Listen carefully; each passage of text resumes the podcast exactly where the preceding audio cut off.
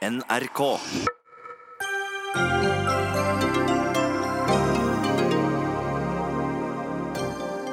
Statsministeren åpner for å hente hjem barn av IS-krigere, men kun dersom de kommer uten foreldre.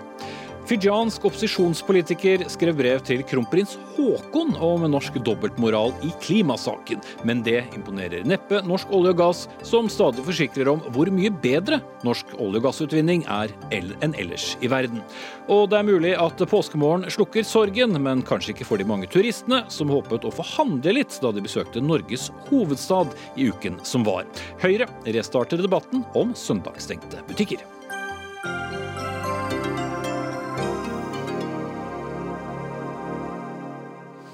Sier vi god kveld og velkommen til det første Dagsnytt 18 etter uh, påske. Uh, senere i sendingen skal vi også innom uh, landesorgen på Sri Lanka etter det kraftige terrorangrepet på søndag, og også snakke om hvorvidt kampflyene til Norge nå er blitt enda dyrere.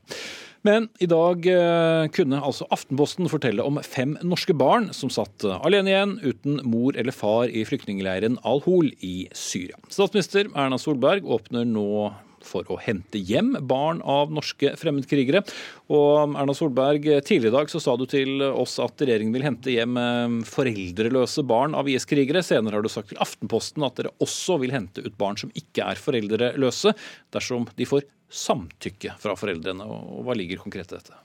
Det viktige er at vi har jobbet lenge med spørsmålet kan vi hente ut? Klarer vi å få det til? Klarer vi å identifisere? Dette er veldig vanskelige spørsmål. Det er litt lette betraktninger i en del medier fra folk bare henter ut dette må være enkelt. Det er det ikke. Eh, og Derfor er det mitt viktigste budskap å si at vi skal ikke ha vi må ikke gi forsterke forhåpninger til at dette kan gå raskt. Men vi har jo da eh, sett at eh, det er et behov for å hjelpe de aller svakeste først. Og det er de som er, altså, som er foreldreløse, som, har, som, som, ikke har voksenpersoner som er stabile med ansvar for dem. Eh, og det er en krevende prosess vi da må gå inn i det. For det første identifisere de i DNA-tester. De som ikke er, og det er nok de aller fleste, er nok født og er veldig små i, i, under denne konflikten. Og eh, da har man altså ikke noen register på de i Norge. Det betyr at det må, må registreres inn og annet. Og så er vi opptatt av en annen side av dette. Altså det er viktig å ta fokuset på barna. Eh, på den vanskelige situasjonen de er i. Samtidig med fokus på norsk sikkerhet. Og Det betyr at eh, familiegjenforeningsspørsmål knyttet til f.eks. fedre eller tidligere IS-krigere, som det vil vi også gå gjennom for å sikre at ikke de kan komme på familiegjenforening til Norge hvis de er antatt døde, og så dukker opp igjen hvis de ikke er norske statsborgere. Men betyr det at det i så fall er barna som må komme hjem alene, også om eh, de har foreldre som er i live? Altså, Vi kan ikke gi alle svarene nå. Men i utgangspunktet så har vi en prioritet på barn og de, de som er foreldreløse eller antatt foreldreløse. Eh, og vi har ikke noen prioritet på å hente ut noen voksne fra området. Vi vil ikke f.eks. si ja til at uh, mødre nå Eh, kan komme, sånn som situasjonen er i dag. Men det er klart at det er eh, mulighet for Og, vi har ikke noe jurisdiksjoner, så vi har ikke noe lovgivning. Noen mulighet for liksom å hente ut barn uten foreldres samtykke.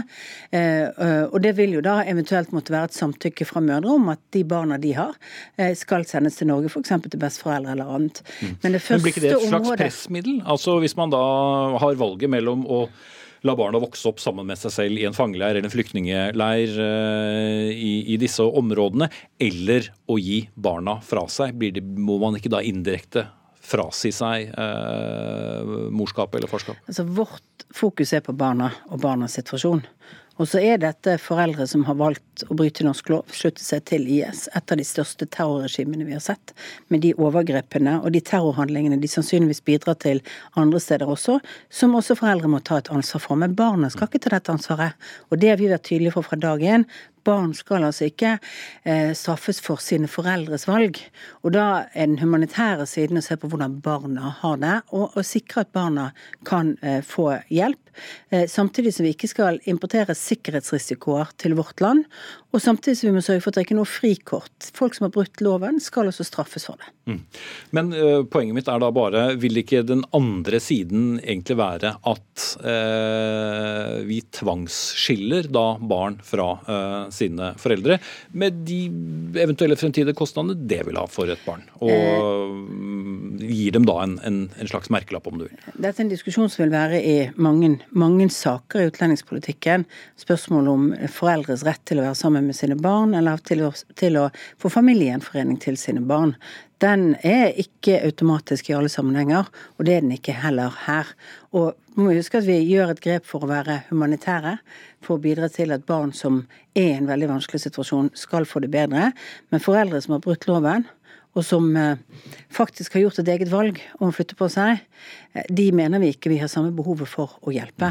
Men Sidestiller vi, vi da alltid... de som har reist dit for å gifte seg med IS-krigere, med de som har reist dit for å bli IS-krigere, f.eks.? Det er uh, uansett en tilslutning til IS og IS-organisasjon som er forbudt etter norsk lov. Og det vi må ikke late som om ikke også kvinner i IS har deltatt i rekruttering, i propagandavirksomhet, deltatt i vold eller overgrep. Og vi vet ikke hva de enkelte har gjort eh, før det er gjort en politietterforskning, før det er mer kunnskap om det som skjer. Og for, for øyeblikket så mener jeg at da er det mest presserende, og det vi kommer til å konsentrere ressursene våre om, det er å finne frem til løsninger for de barna som nå er foreldreløse, og eventuelt da andre barn etter hvert. Men eh, samtidig så er det viktig å si at eh, dette, eh, det kommer til å stå mye på evnen til å få til løsninger av denne typen. For det er krevende operasjoner. Det er ikke uten grunn at det er så få barn som er kommet tilbake igjen til Europa. Det er fordi dette er krevende eh, operasjoner for alle land. Eh, noen land har kanskje ikke et ønske om å hjelpe til. Andre ser også at dette krever ja, kontakter med myndigheter man eventuelt ikke vil ha kontakter med. Det kan kreve ja, tekniske vanskeligheter. Og vi må ikke komme i en situasjon hvor vi som den norske stat henter ut barn som viser seg ikke være norske, mm. ikke har rett til et norsk statsborgerskap. Eh, det skjer også i den typen konfliktsituasjoner at man av og til gjør noe overilt. Så det kan bli en langvarig prosess. Men bare for å være helt krystallklar på, på det ene. Det finnes ikke noe rom for tilgivelse i utgangspunktet for de som eh, vet hva de reiser ned for. De som da ønsker å, å, komme tilbake til Norge sammen med barna sine, vil i utgangspunktet ikke ha den muligheten eller at de da vil straffeforfølges og eh, må eh, ta de konsekvensene. Ja, altså Det er ikke noe frikort eh, fra å ha brutt loven, slutte seg til et av de verste terrorregimene vi har sett for voksne. Det kan vi ikke gjøre, og det mener jeg ikke vi kan gjøre. Det betyr at man skal også rettsforfølgelse og annet, og da må vi ha en prioritet på det som er de aller svakeste. Og det er de som er barn, og særlig de som er foreldreløse. De som trekker paralleller eh, mellom disse barna og barna av tyske eh, soldater og norske eh, mødre fra andre verdenskrig, hva sier du til dem? Er det to forskjellige ting? Ja, det er, det er, to forskjellige ting. Så her kan vi ikke lære? Her, her, man, her har man aktivt, aktivt brutt loven. Det var ikke ulovlig å bli forelsket i en tysk soldat. Det var ulovlig å reise til Syria og slutte seg til IS. Det er en eh, aktivitet som man var kjent med. Det er et terrorregime som, som, som har stått til ansvar for store eh, overgrep, egentlig mot, eh, mot altså folkemord på, på jesidiene. Sant? Der er store, store altså, virkninger av hva de har, har gjort. Og fortsatt, som organisasjon, driver aktivt. Og det er en sikkerhetsrisiko det må vi alltid huske, at vi vet hvordan IS er organisert. Det vil være en sikkerhetsrisiko med alle som har vært i dette området. Vi vet ikke helt hvordan og på hvilken måte de har deltatt. Eh, og det er også mitt ansvar å sørge for i Norge. At vi passer på at vi minimerer sikkerhetsrisikoene for dette landet. Mm. Og sikkerhetsrisiko er det selvfølgelig også hvis man skal hente ut noen. Og slik situasjonen er nå, så øh, vil vi neppe se noen barn av IS-krigere på norsk jord med det første. Ja, sikkerhetssituasjonen er veldig vanskelig i dette området. Det har vi sagt hele tiden, at det er vanskelig nå å hente ut noen. Eh, men vi, ser, eh, vi jobber nå ivrig og har gjort det en god stund med ulike muligheter for det. Vi skal identifisere. Vi må ha samarbeid med organisasjoner eller selv gjøre den identifiseringen. Eh, og så langt har vi ikke klart å Eh, finne frem til måter å gjøre dette på som, som, vil gi oss mulighet uten at det har stor sikkerhetsrisiko. Da sier vi takk til deg, eh, statsminister Erna Solberg. Blant dem som eh, jubler for at regjeringen nå vil jobbe for barn i Syria, det er andre Unicef, som synes at dette er et godt signal. Men Camilla Wiken, du er da generalsekretær i Unicef. Som statsministeren poengterer her, så er det da først og fremst barna, men da etter en eh, ganske eh, omfattende prosess i forkant. Er det riktig tenkt? Ja, Det stemmer det statsministeren sier, at det er ikke noen enkel sak å få identifisert barna med rett statsborgerskap, gitt dem identitetspapirer og hjelpe dem til det landet de hører til. Det er helt riktig. Mm. Eh, er det også altså er dere enig i at det er bedre å skille uh, barn og foreldre her? At det til sjuende og sist kan være til barnas beste at de blir hentet hjem til øvrig familie i Norge uten mor og far? For det første så må alle saker vurderes enkeltvis. Men det Unicef er veldig klare på, det er at å skille barna fra mødrene deres, og for disse barna er det uh, ofte den eneste omsorgspersonen de har igjen det er ytterligere traumatiserende. Og vi må huske på at dette er barn som allerede er veldig traumatisert. Ikke bare fra å bo i en flyktningleir som er overfylt og mangler det meste, men mange av dem har bodd i flere år i bomberegn og kuler og utbomba hus og mangla mat og vann og medisiner. Men Poenget er jo bare at disse foreldrene vil uansett da bli straffeforfulgt i i Norge? Ja, men i Norge så har vi en mulighet som disse barna har rett til, nemlig å ha jevnlig kontakt med familien sin, og i dette tilfellet ofte med moren sin. Det har vi mulighet til å legge til rette for i Norge. Og Statsministeren snakket om foreldrenes rett til å ha kontakt med sine barn. Vi påpeker barnas rett til å ha kontakt med sine foreldre. Hva slags ressurser må i så fall settes inn overfor barn? Du har selv vært i disse flyktningleirene, sett hva slags forhold uskyldige barn da eh, lever under, men som har måttet gjøre det pga. foreldrenes eh, valg som er tatt eh, for dem. Hvor lett vil det være for et barn som har levd noen år i IS-regimet og senere i flyktningleir, å integreres i et trygt norsk samfunn igjen? Ja, la meg først si litt om hva et traumatisert barn er. For det er ikke bare et barn som er redd. Det er et barn som gjerne har mistet muligheten til å leke. Det kan miste språket sitt, det kan trekke seg inn i seg sjøl og bli helt apatisk. Altså et barn som har det helt forferdelig.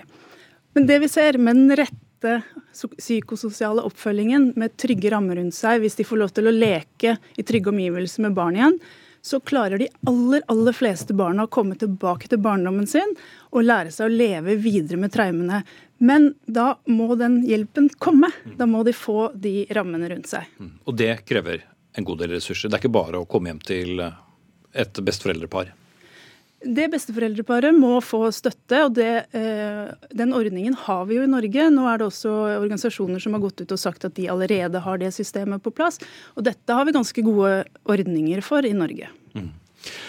Men det å øh, sette øh, dette i system er, som vi øh, hører statsministeren også poengtere, alt annet enn lett. Og dette vet vel dere også som har operert i områdene. Hvordan skal man i hele tatt kunne klare å hente ut eventuelt da bare barn fra disse flyktningleirene? Ja, det er ikke lett. Unicef har jobbet med reintegrering og gjenforening av barn i krig- og konfliktområder i tiår. Og det er enkeltsaker. Hver enkelt sak må håndteres eh, i en prosess, og det er sensitive saker.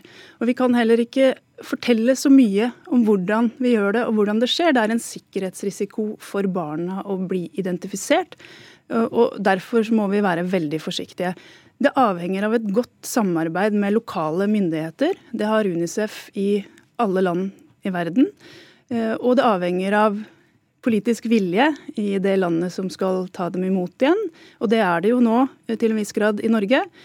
Og så er det mange steg imellom. Statsministeren har påpekt noen av dem. Mm.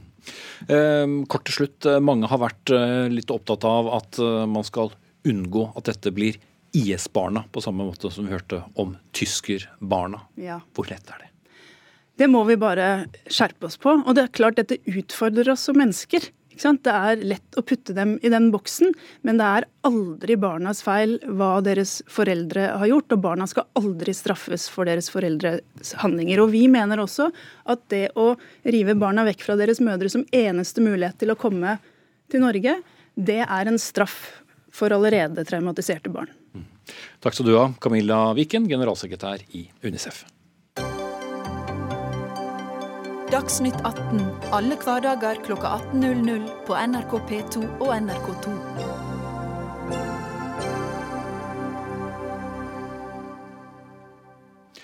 Innkjøpet av eh, nye kampfly til Norge har eh, i mange år vært kjent som tidenes forsvarsinvestering. Både i pengesum, men også hva det betyr for norsk forsvarsevne.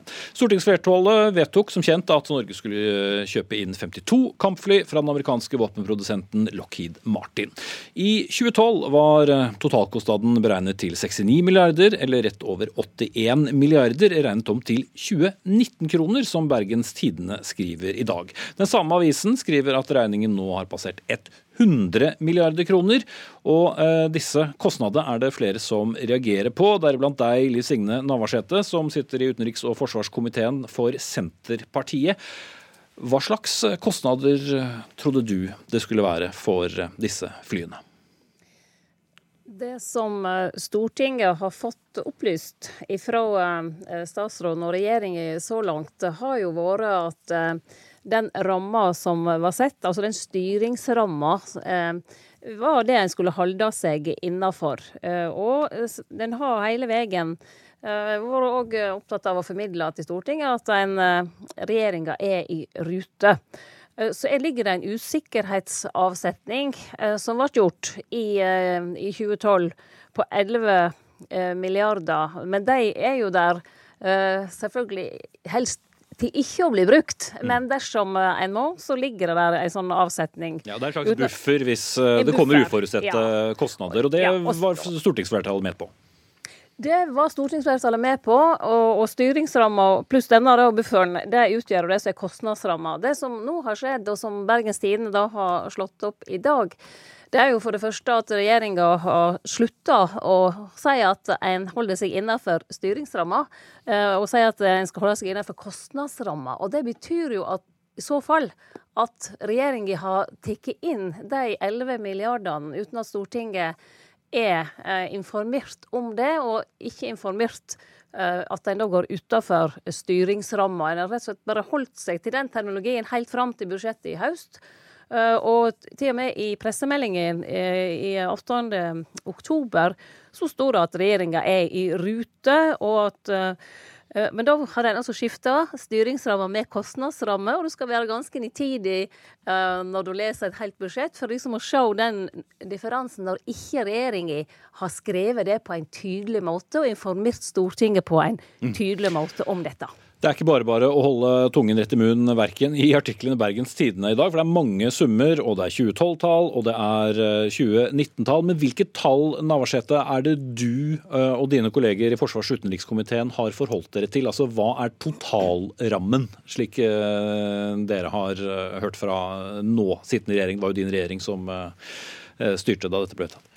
Ja, nei, Den totalramma var jo da sett til 69 milliarder i 2012, eh, som må da inkludere eh, Det var 61 milliarder, det var fly eh, og våpen, og så var det da pluss eh, investeringer på Ørland og den eh, QRA-en på, på, Evenes.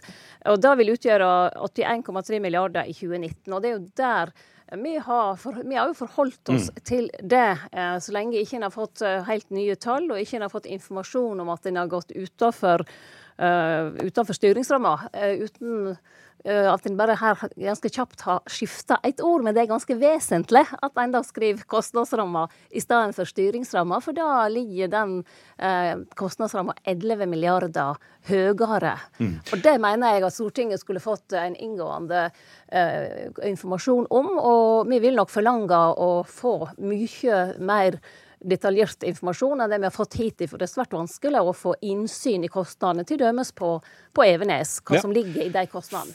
Før vi går inn i flere detaljer her nå, forsvarsminister Frank Bakke-Jensen eh, fra Høyre. Blir tidenes forsvarsinvestering dyrere enn dere forventer? Eh, nei, det er det ikke noe som tyder på nå. Eh, kostnadsramma i 2019-tall er 85 milliarder. Foreløpig så er prognosen at vi vil ende på rundt 82 milliarder. Så er det noen utfordringer med å forklare det. Den første det er jo når både Bergens Tidende og Liv Signe Navarsete gjør den feilen at de tar inn kostnadene med base i det her regnestykket. Kostnadsramma for eh, F-35-programmet er 85 milliarder 2019-kroner. De pengene Stortinget vedtok man kunne bruke. Så er base på Evenes og base på Ørland holdt utafor det regnskapet. Det må vi ha klart for oss. Så hvem betaler da det? Nei, det er, jo et, det er jo andre prosjekt, som eh, for øvrig også er innenfor de kostnadsrammene som var, eh, som var satt da de ble fremma til, eh, til Stortinget av den forrige regjeringa, den rød-grønne regjeringa. Så det er ikke noen informasjon som du eller regjeringen burde ha gitt til forsvars- og utenrikskomiteen når det gjelder fremdriften? Altså dere har forholdt dere korrekt hele veien? Ja, altså eh, Kostnadsramma som Stortinget har, eh, har vedtatt, det vi skal gå for dette programmet, kostnadsramma skal være 85 milliarder i 2019-kroner. Det Kan bli billigere, men det skal i hvert fall ikke bli dyrere. Ja. Så har vi at Styringsramma den er på, i 2019 eh, kroner på 74 eh, milliard. Så er det noen eh, og, og, og forskjellen her Og, og forskjellen er de uforutsette Forskjellen, utgiftene? ja, forskjellen det er, det, er u, ufor, det, er det som er uforutsett. Altså usikkerheten i prosjektet er forskjellen her.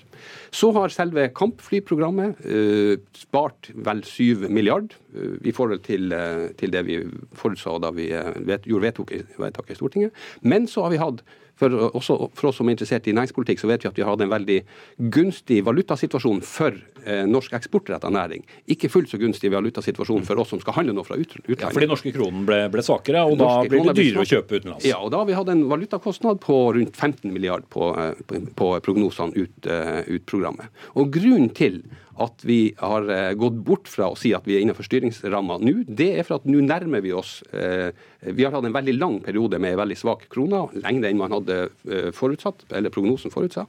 Nå nærmer vi oss større utbetalinger. Da blir usikkerheten større, og derfor har vi justert teksten Men- i, i budsjettet. Så Men- da er ikke den bufferen som vi har snakket om, stor nok? Jo, foreløpig så er han stor nok. Prognosene sier at vi er ennå innenfor kostnadsramma. Men den kan likevel gå over. Ja, Det vet vi jo ikke, men Men, eh, men, Men for- dere tror det siden dere har fjernet den ene Nei, det, ikke, det, det tror vi ikke. Vi sier at nå eh, er vi ikke under styringsramma, rett og slett for at valutaen har holdt seg, eh, krona har holdt seg svak så lenge. Så må jeg få lov å si en ting når det gjelder det her med informasjon til Stortinget.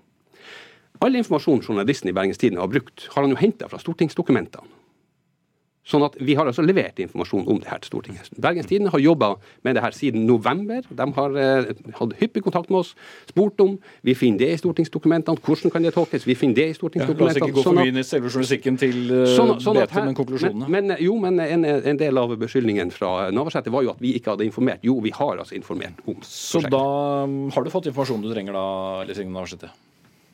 Jeg mener vi ikke har fått det tilstrekkelig dokumentert. eh, Og vi mener òg at eh, når en gikk bort ifra eh, styringsmålet og Det er viktig her å bare holde fast på at helt fram til i fjor, til oktober i fjor, så har regjeringa gjentatt gang etter gang at en er innafor styringsramma. Altså da holder en de 11 milliardene utafor. De 11 milliardene, eh, så vidt jeg husker tilbake i 2012, så var det jo heller ikke definert hvor, hvordan de skulle finansieres. Så det er jo òg et spørsmål til forsvarsministeren når en nå går utover styringsramma. Eh, og det er òg én ting som forsvarsministeren sier som jeg er usamd i, og det er at basene ikke var innafor uh, summen som ble lagt fram for Stortinget. Det var jo nettopp basevalget på Ørland som ble gjort i 2012. Det var 61 milliarder som var stipulert for fly, 52 fly. Så det, kom det i tillegg kostnader på baseutbygging, sånn at totalsummen fra 2012 den var eh, 69 milliarder kroner, som da utgjør 81, eh, vel 81 milliarder i, eh, i 2019-kroner. Så, så er, det er noe her som iallfall er viktig at vi får, eh, får snakka sammen om og rydda opp i. Eh, Og jeg har jo også stilt spørsmål til forsvarsministeren eh, om å få innsyn kan vi ikke ta det siste Ja. først, altså med, med Ørland i Trøndelag og Evenes uh, i Nordland. Uh, det, du fastholder at det skal være utenfor. Ja, ja, ja det har, og, og, og det her er, altså, Da Liv Signe Navarsete var satt i regjering, så satt jeg på Stortinget. Jeg skjønte hva, hva de leverte, hva prop de leverte, og fikk den forståelsen. Så det her skal vi godt ta en god prat om, Liv Signe. For at det her mener jeg også er et viktig, viktig poeng. Sånn at Vi skal, vi skal rydde opp i denne. Men som sagt, vi har levert all informasjon. Det er altså, det, det er det største investeringsprosjektet Norge noen gang har vært med på. Det er altså et prosjekt som, som eh, in, uh, inkluderer mange allierte land. Norsk industri det er et prosjekt som går så godt at man har spart 7,6 milliarder milliard i forhold til prognosene når man tenker prosjektet. Det å utvikle flyene. Flyene er nå nede i 700 milliard, million per eh, fly. Det her går riktig vei. Så har vi hatt det utfordrende i forhold til valutaen. Derfor ligger det en usikkerhetspott i denne typen prosjekt. Men vi er innenfor kostnadsramma, og det er den mm. kostnadsramma vi i Stortinget vedtok vi skulle forholde oss til. Men er du egentlig bekymret for da bare valutaen? For eh, da dere satt i regjering, så var jo det en periode med veldig sterk norsk eh, krone, og det har det for så vidt vært frem til eh, for noen år siden. Og det kan vel nesten ikke regjeringen lastes for? Det kan regjeringa ikke laste oss for, at valutaen har svinga. Det vil han alltid gjøre. og Derfor er det, det er usikkerhet som har slo veldig positivt ut i, i, starten, og som nå de siste årene har slått mer negativt ut. Så det er jo, er det både pluss og minus i det regnestykket. Men når eh, Forsvarsdepartementet ved Eh, programdirektør Klever skriver til Bergens Tidende at det er styringsramma som angir utgiftsnivået som programmet skal styre etter, holde seg innafor, så, så, er jo det litt annerledes enn det som uh, blir sagt her fra forsvarsministeren, der han uh, på en måte sier at uh, styringsramma og kostnadsramma er nesten to sider av samme sak. Og Da blir spørsmålet mitt til Finansierer da forsvarsministeren opp de ekstrakostnadene med, med friske midler? I, altså det som kom til tillegg til styringsramma med ja. friske midler? da tar vi det sakte. Styringsramma mm -hmm. i 2019 kroner er 74 milliarder. Så da er det fortsatt litt å gå på? Ja, og styr, i styringsrammen har vi i tillegg, i tillegg, spart over 7 milliarder i forhold til de prognosene som, som var der da proppen ble lagt frem. Men så, innenfor usikkerheter, så er det sånn at valutaen har gitt oss utfordringer. Og de utfordringene er på rundt 15 milliarder. Men vi er ennå innenfor kostnadsramma. Derfor er det sånn at vi har ikke feilinformert, vi har informert godt om de her tingene. Og som man sier, journalisten baserer altså hele sin artikkel på stortingsdokumentene, sånn at han finner all informasjon der. Mm. Men det eh, Liv Signe Navarsete nå poengterte, var forstått ikke hva mm, BTs journalist sa, men det kilder i saken eh, sier. Ja, men der er, der, er brukt, der er, brukt, mange kilder i saken. og Journalisten har holdt på siden november. Der er mange som har svart på veldig mye, og så er det plukka ut. Mm. Men det konkret det som, som Navarsete sa nå, er du Altså har hun, han, han rett og hun rett? Men det forklarte jeg jo nå. Styringsramma det er altså den ramma som prosjekteier får for dette prosjektet. Mm. Da, I dag er det, uh, den styringsramma satt til 74 milliarder 2019-kroner. Jo, jo, det har du sagt, ja. ja. Og, og, prosjektet, hvis du holder valutaen utenfor, så er, er prosjektet godt innenfor. Mm. Han har altså men, spart 7 ja. milliarder 2019 kroner på, i prosjektet i henhold til den første prognosen. Og foreløpig har heller ikke valutaen gjort at det har gått utover og kostnadsrammen, som er den totale. Som er den ramma Stortinget sa vi kunne arbeide innenfor. Mm. Men ja, jeg er fortsatt uh, interessert i å få framlagt uh, totalkostnaden òg ved basene. Og jeg har bedt om innsyn i kostnaden ved baseutbygging på Evenes. Uh, det har jeg så langt ikke fått. Jeg mener Stortinget må ha rett til å kunne se på hva kostnadene er reelt ved den utbyggingen, siden det òg er et veldig omdiskutert prosjekt i tillegg til QRA, nemlig at en flytter overvåkes. Det, det er en annen sak. Ja, men det må jo ja, defineres. Evenes, og Ørland totalt er 12 milliarder. Mm. Okay, ja, da... men det, da håper jeg at statsråden vil gi meg innsyn i dem. Vil statsråden gjøre det? Gi Stortinget innsyn i de kostnadene som ligger på Evenes og Ørland, dere... sånn at vi kan få den diskusjonen rydda av veien? For har... så langt har det vært umulig å få til. Nei, dere har fått masse informasjon om det òg, mm. ja, Vi har fått blir... avslag på innsynsbegjæring på, på, Evenes, og jeg håper at eh, du kan snu men, om på det litt. Men, det handler jo om noe annet enn innsyn i kostnadene. Det står altså i budsjettproppen til deg 12 milliard koster Evenes og Ørland. Da foreslår jeg at jeg dere møtes eh, på Stortinget nå i, i nærmeste fremtid, og så går dere gjennom det. Vi eh, skal i hvert fall være forsiktige med noen ordspill om hvorvidt penger får vinger i denne saken, men eh, takk skal dere ha begge to. Forsvarsminister Frank Bakke-Jensen fra Høyre og Liv Signe Navarsete fra Senterpartiet, som er medlem av forsvars- og utenrikskomiteen.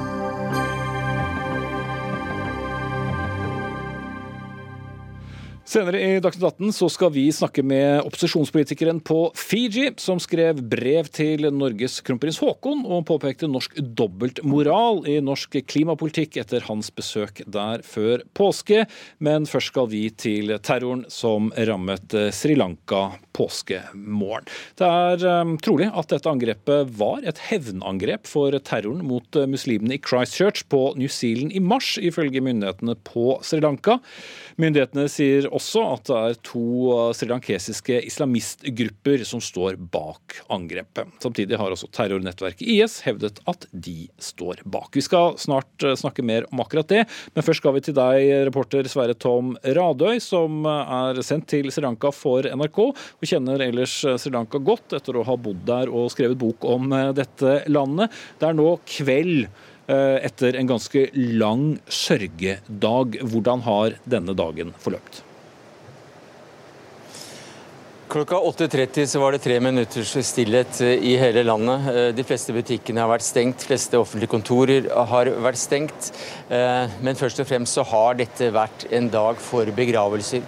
Og vi besøkte denne forholdsvis lille landsbyen nord for Colombo ved siden av den kirken som ble hardest rammet. 100 mennesker ble drept der. Og der kom likene i bårer inn nærmest på, på samlebånd. Ikke før var en liten seremoni på et utendørsalter ferdig. Eh, og vedkommende som, eller den kisten ble da eh, båret av slektninger og familievenner til en grav, før neste kiste ble satt opp på dette eh, lille alteret. Og så neste kiste og neste kiste, og en kiste var spesielt liten. Der lå en, en sjuåring.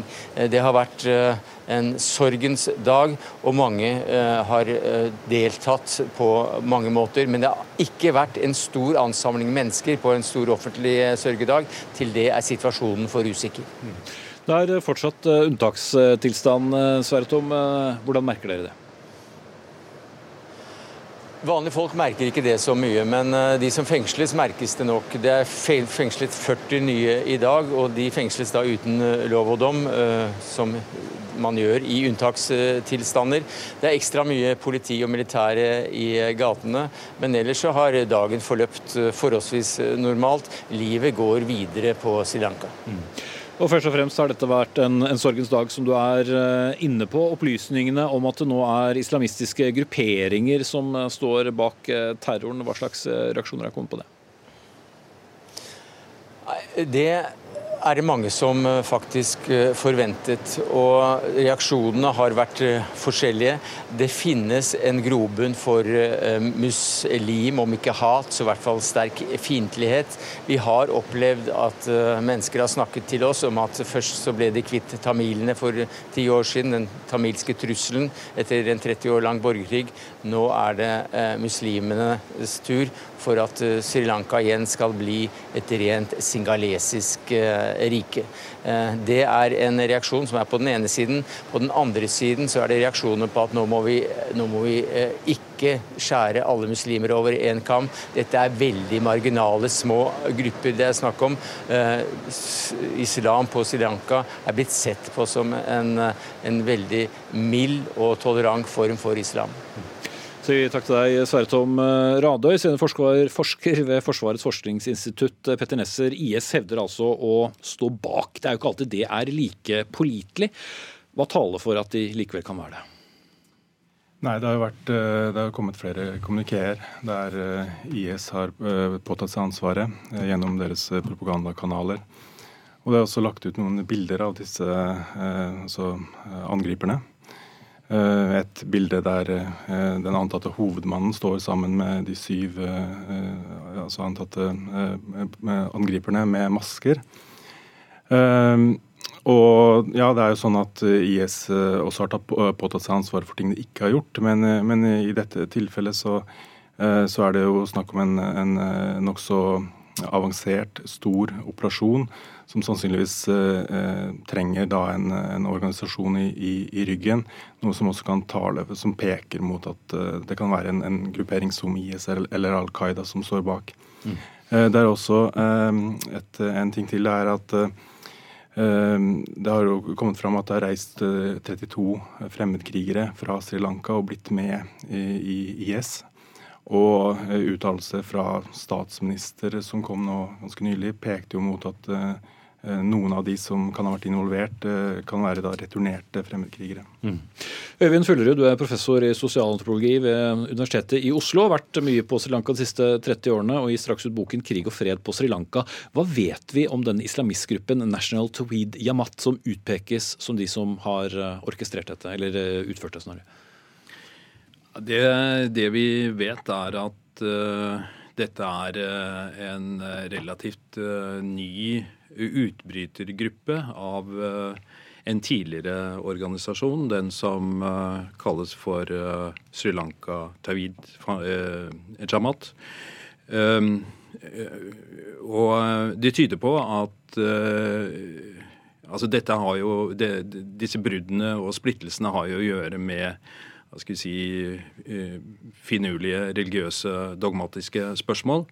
Men det har nok også med, med grad av eh, ekstremisme, eh, slik vi forstår det i vår del av verden. Og det er mye som tyder på at denne gruppen som har vært pekt på her, er en mer ytterliggående gruppe enn den eh, noe større organisasjonen den brøt eh, ut av. Men eh, det skal legges til at ingen av disse gruppene er store. Altså det, dette Tawid-miljøet på Sri Lanka, eller disse kretsene, de, har, de er en kjent størrelse. Man, vet, man vet at de har uh, hatt en eksistens tilbake til slutten av 40-tallet.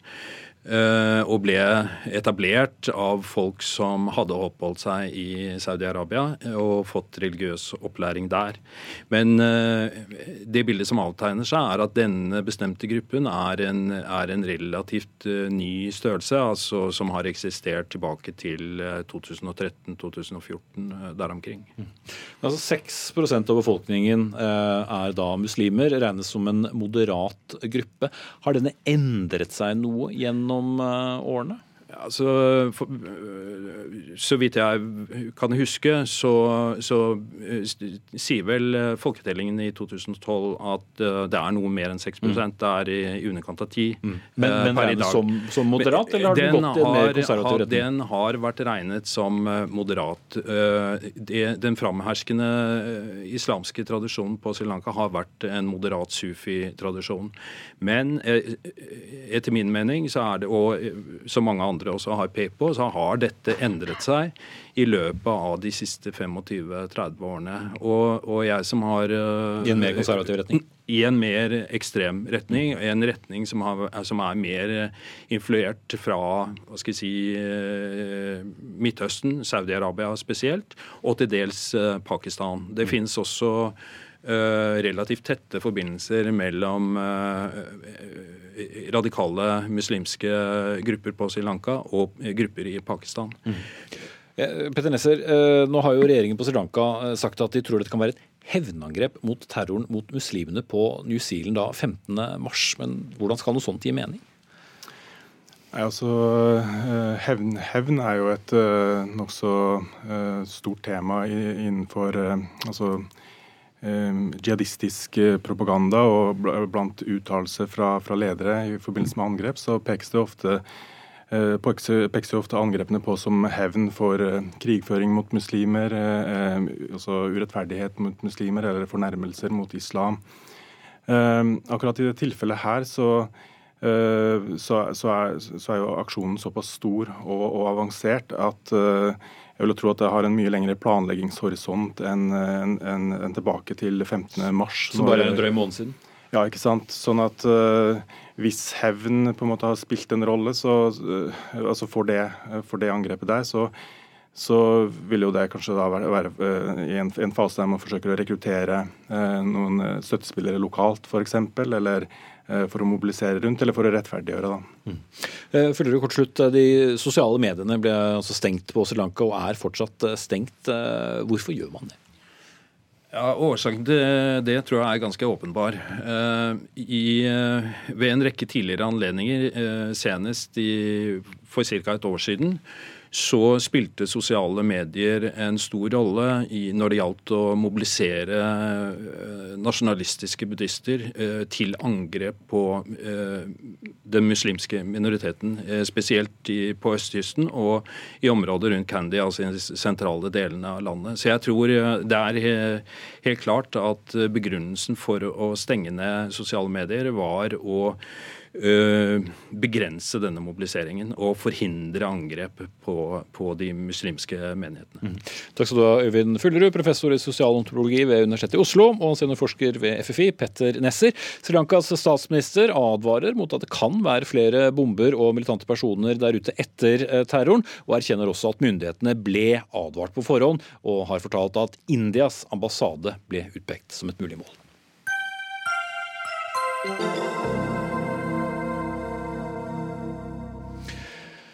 Karbonutslipp fra ett sted i verden fører til utfordringer og usikkerhet på et annet sted i verden. Ja, Dette skrev den fijianske opposisjonspolitikeren Seini Nabo i et brev til selveste kronprins Haakon etter hans statsbesøk på Fiji før påske. Hun kritiserte norsk oljeproduksjon fordi det er med på å øke klimagassutslippene. Fiji, som er en øynasjon i Stillehavet og hjemme til rundt én million mennesker, opplever livsgrunnlaget sitt truet pga. et stigende havnivå, større og farligere sykloner og forsuring som fører til korallrev og også fisk død. Uh, and uh, Saini Nabu, you're vice president of the National Federation Party, and you're with us on the line now. Why was it important for you to send a letter to the Norwegian Crown Prince in particular? Uh, good morning. Uh, the reason why I felt uh, moved to communicate to the heir to the throne of Norway, uh, Crown Prince Haakon Magnus, during his recent uh, visit to Fiji is that while I fully acknowledge and respect that the Crown Prince is constitutionally apolitical, it was, in my humble opinion, an opportunity for me to stretch my hands out across the ocean and to express a concern and a reminder that would other get lost in the formalities and protocols of these uh, events. It was not my intention to cause shame or embarrassment, but rather to remind both Fiji and Norway of some stark realities related to climate change. And that is, in the Pacific, we are downstream from all these multi billion dollar agreements made upstream from us. Hmm. Based on economic imperatives that are often very benefit one or two or three states. Norway is not the only one. Hmm. All Annex 1 countries, such as the United States and our immediate neighbor Australia, also need uh, reminding, and I see that already happening. The concern that I put uh, out there as well. It is not Norway's sovereign right to do what it chooses for its people. The transboundary nature, of the contagion of carbon excesses, and its global impacts. Bear with me just a moment as I just translate some of your uh, answer to, to our public. Uh, så Hun sier altså at uh, hun syntes det var viktig å benytte seg av den muligheten etter uh, statsbesøket, uh, og rett og slett rekke ut en hånd og poengtere uh, den utsatte situasjonen som, som Fiji er i, og at hun ikke nødvendigvis utpekte Norge alene som en nasjon med et særskilt ansvar.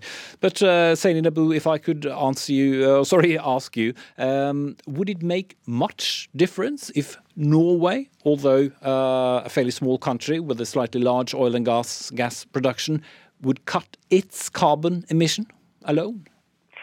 Yeah, I, it would make uh, a lot of difference. I mean, you uh, believe that Norway is small, Fiji is much smaller, and uh, climate change impacts and and um, uh, fossil fuel policies are central to ensuring that we have a future because and that we use as much of our influence as possible to help wean the world of its addiction to fossil fuels.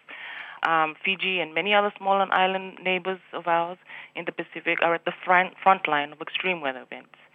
Um, we were Fiji was the COP23 president. But all countries like us can really do is continue to be the voice of conscience uh, and reason and remind and caution. Um, all nations that choose economics again and again and again will amass a global constituency that will one day say, uh, excuse me, but here is the invoice for current and intergenerational uh, damages to my family, my health, and my home. Mm. And you are convinced that all this, uh, sorry for interruption, and you are convinced that this is happening because of what humans are doing? I, we do. Uh, there is science, of course, that uh, there are two different views according to the science. Some believe, some do not believe. Um, but uh, we um, we think of us uh, if, if politicians are going to uh, defend, cannot defend the decisions they make to future generations, seven generations down the line, they have the ch- chance to correct those legacies now. Those seven generations may not be Norwegian citizens alone. Seven generations of Fijian citizens down the line may also need to he- may also hear the story and will demand answer. And this is the other side of the coin when it comes to the environment. You can narrate the most profound words and the compelling statements about protecting the environment, but Mother Nature cannot be lied to. Hmm. When we take and take and take from her blood, lifeblood of the clean air, the pristine blue oceans, and the rich diversity on land, Mother Earth's punctured veins will be seen and felt by all. Hmm. And that kind of trauma that we inflict on the earth is cyclical. It comes back. Hmm. Thank you so much for joining us very early in your morning, uh, Saini Nabu, Vice President of the National Federation Party.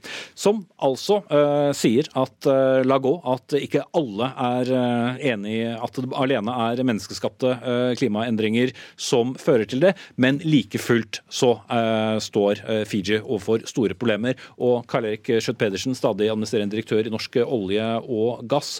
Vår oljeproduksjon påvirker, eh, sier hun. Eh, er du enig, eller er du helt uenig i det? For det første så eh, viser jo det her alvoret i situasjonen. Et land som Fiji står midt i det. Dels pga. at havnivået stiger, dels pga. at øya faktisk også synker. Det viser samtidig hvordan vi står overfor en global utfordring, hvor det ikke er avgjørende hvor man produserer eller hvor man slipper ut. Alle utslipp bidrar til eh, høyere temperatur. Mm, også Og med- norske. Og norske, og, og hvor de måtte skje. De bidrar til eh, utslippene, og de bidrar til de problemene som her står overfor.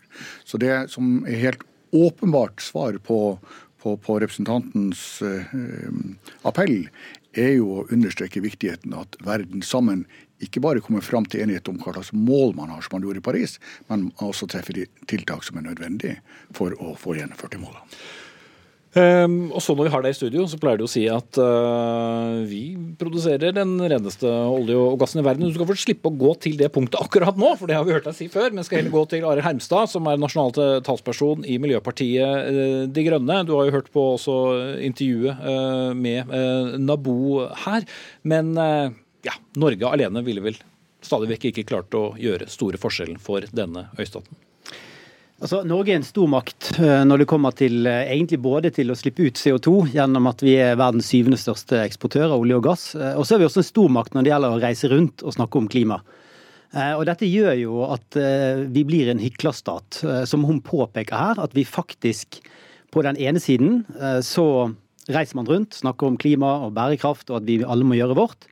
Og på den andre siden så investerer altså Norge massivt i at vi skal fortsette å produsere og brenne eh, olje og gass i 10, 20, 30, 40 og 50 år. Mens det vi altså må gjøre, det er å halvere klimagassutslippene de neste 11 årene. Men på verdensbasis ikke Norge alene. Norge må definitivt gjøre sin del av jobben. og det som er tilfellet er at Kutt i norsk oljeproduksjon er et effektivt klimatiltak. Det vil føre til lavere klimagassutslipp i verden. Og det er også et ganske billig klimatiltak i forhold til mange av de andre tiltakene som vi gjennomfører. Da, Skjøtt Pedersen. Ja, Norge står for 2% en femtiendedel av oljeproduksjonen i verden. Samtidig er Norge det land som ifølge nye undersøkelser har lavest utslipp knytta til ikke bare produksjon, men også bruk av den olje og gassen som vi produserer. Så vi Og vi- kan egentlig ikke gjøre noe for å hjelpe Fiji? Jo, det kan vi absolutt gjøre pga. at eh, vi deltar bl.a. i det europeiske kvotesystemet, hvor norsk oljeindustri, i likhet med annen industri i Europa, deltar. Men eh, selv om ikke Hermstad stoler så mye på meg, så er jeg sikker på at han stoler på FNs klimapanel, som vi alle sammen baserer oss på. Og De gjorde nettopp en grundig undersøkelse av hva må til for å holde temperaturøkninga under 1,5 grad. Og Da konkluderte de med at selv når vi skal holde temperaturøkninga under 1,5 grad, som er et voldsomt ambisiøst mål, så må en fjerdedel av verdens energi i 2050 komme fra olje og gass. De har fire ulike analyser, og de snittet ligger omtrent der.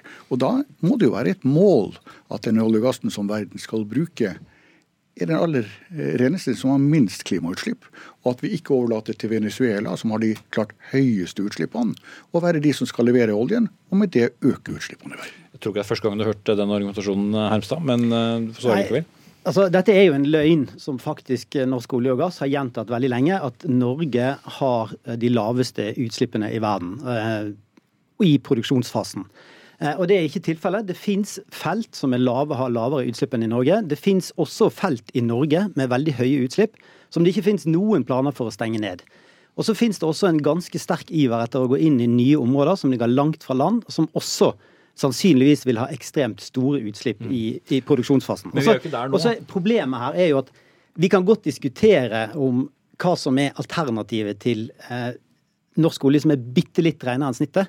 Og det er ikke noe som er enda litt lavere snitt i produksjonsfasen. Alternativet til norsk olje og gass det er fornybar energi. og Det er det alternativet vi må satse på. Og I dag så satser vi altså 170 milliarder kroner i året på at vi skal investere i norsk olje og gass, som skal, bli, som skal pumpes opp i 20-30-40 år.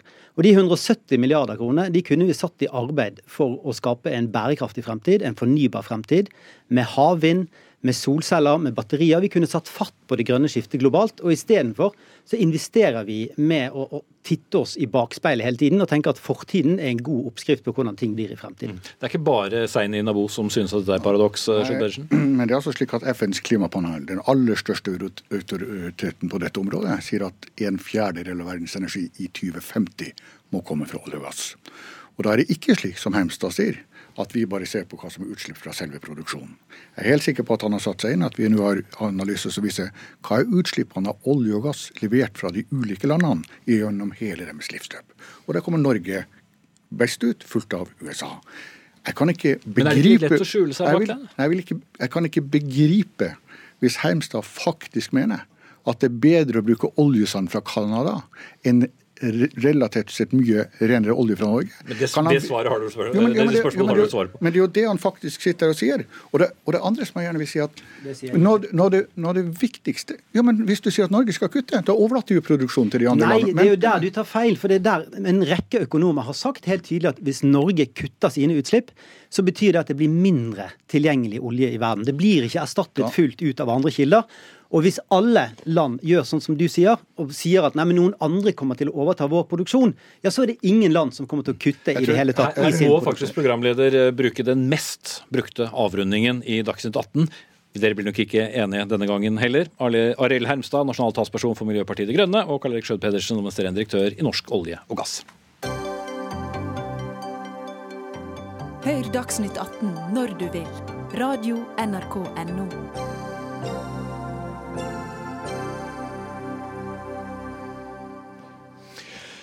Selv om uh, veldig mange ut fra all verdens eh, bilder i sosiale medier uh, tilbrakte påsken i fjellet med ski på beina og uante mengder med marsipan og appelsiner og alt som hører til, så var det også mange som var på reise helt andre steder. Noen tar nemlig byferie i travle handle, handlegater.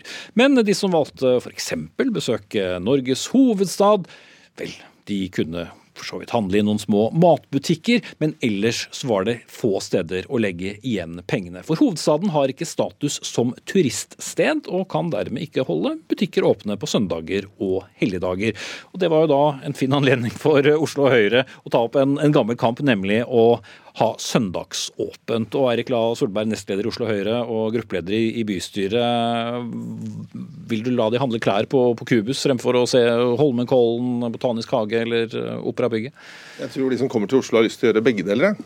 Og som du selv sa, så er Oslo er Norges desidert største eh, turistby. Ca. 40% av alle gjestedøgnene for eh, reiselivsnæringen i Norge er i Oslo-regionen. Og, og de er jo på jobb? Ja, og, Men eh, veldig mange som kommer til Oslo, de møter, kommer på søndag eller de kommer i høytidene. og Da møter de en stengt by. Eh, og På samme måte som f.eks. gamlebyen i Fredrikstad får ha mulighet til å ha åpent, som f.eks. Oppdal i uh, Sør-Trøndelag, hvor jeg ferierte noen få dager like ved siden av, som får lov til å være åpent, så burde Oslo sentrum få lov til å være åpent. Det, vi burde gjøre det såpass at de som kommer og besøker Norges hovedstad, møter en åpen by, og både kan gå i Holmenkollen og kjøpe seg en bukse på Kubus. Mm.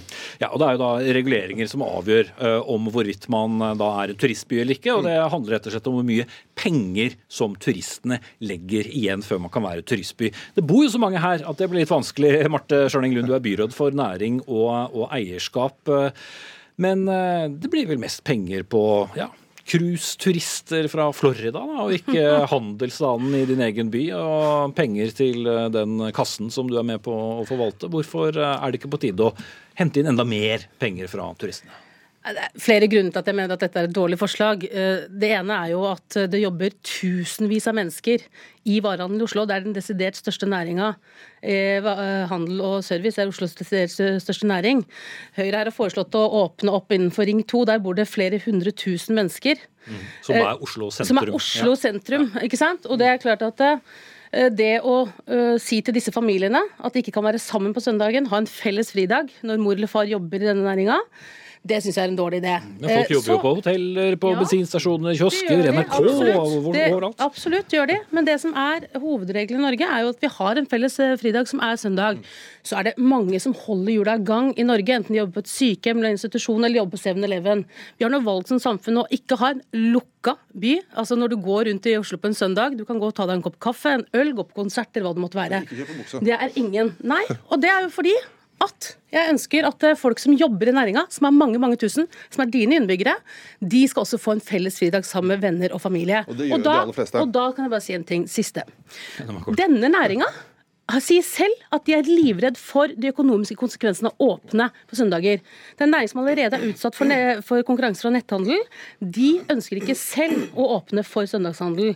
Og da står de igjen med én som tjener på det, når ikke de ansatte tjener på det, ikke eh, næringslivet tjener på det.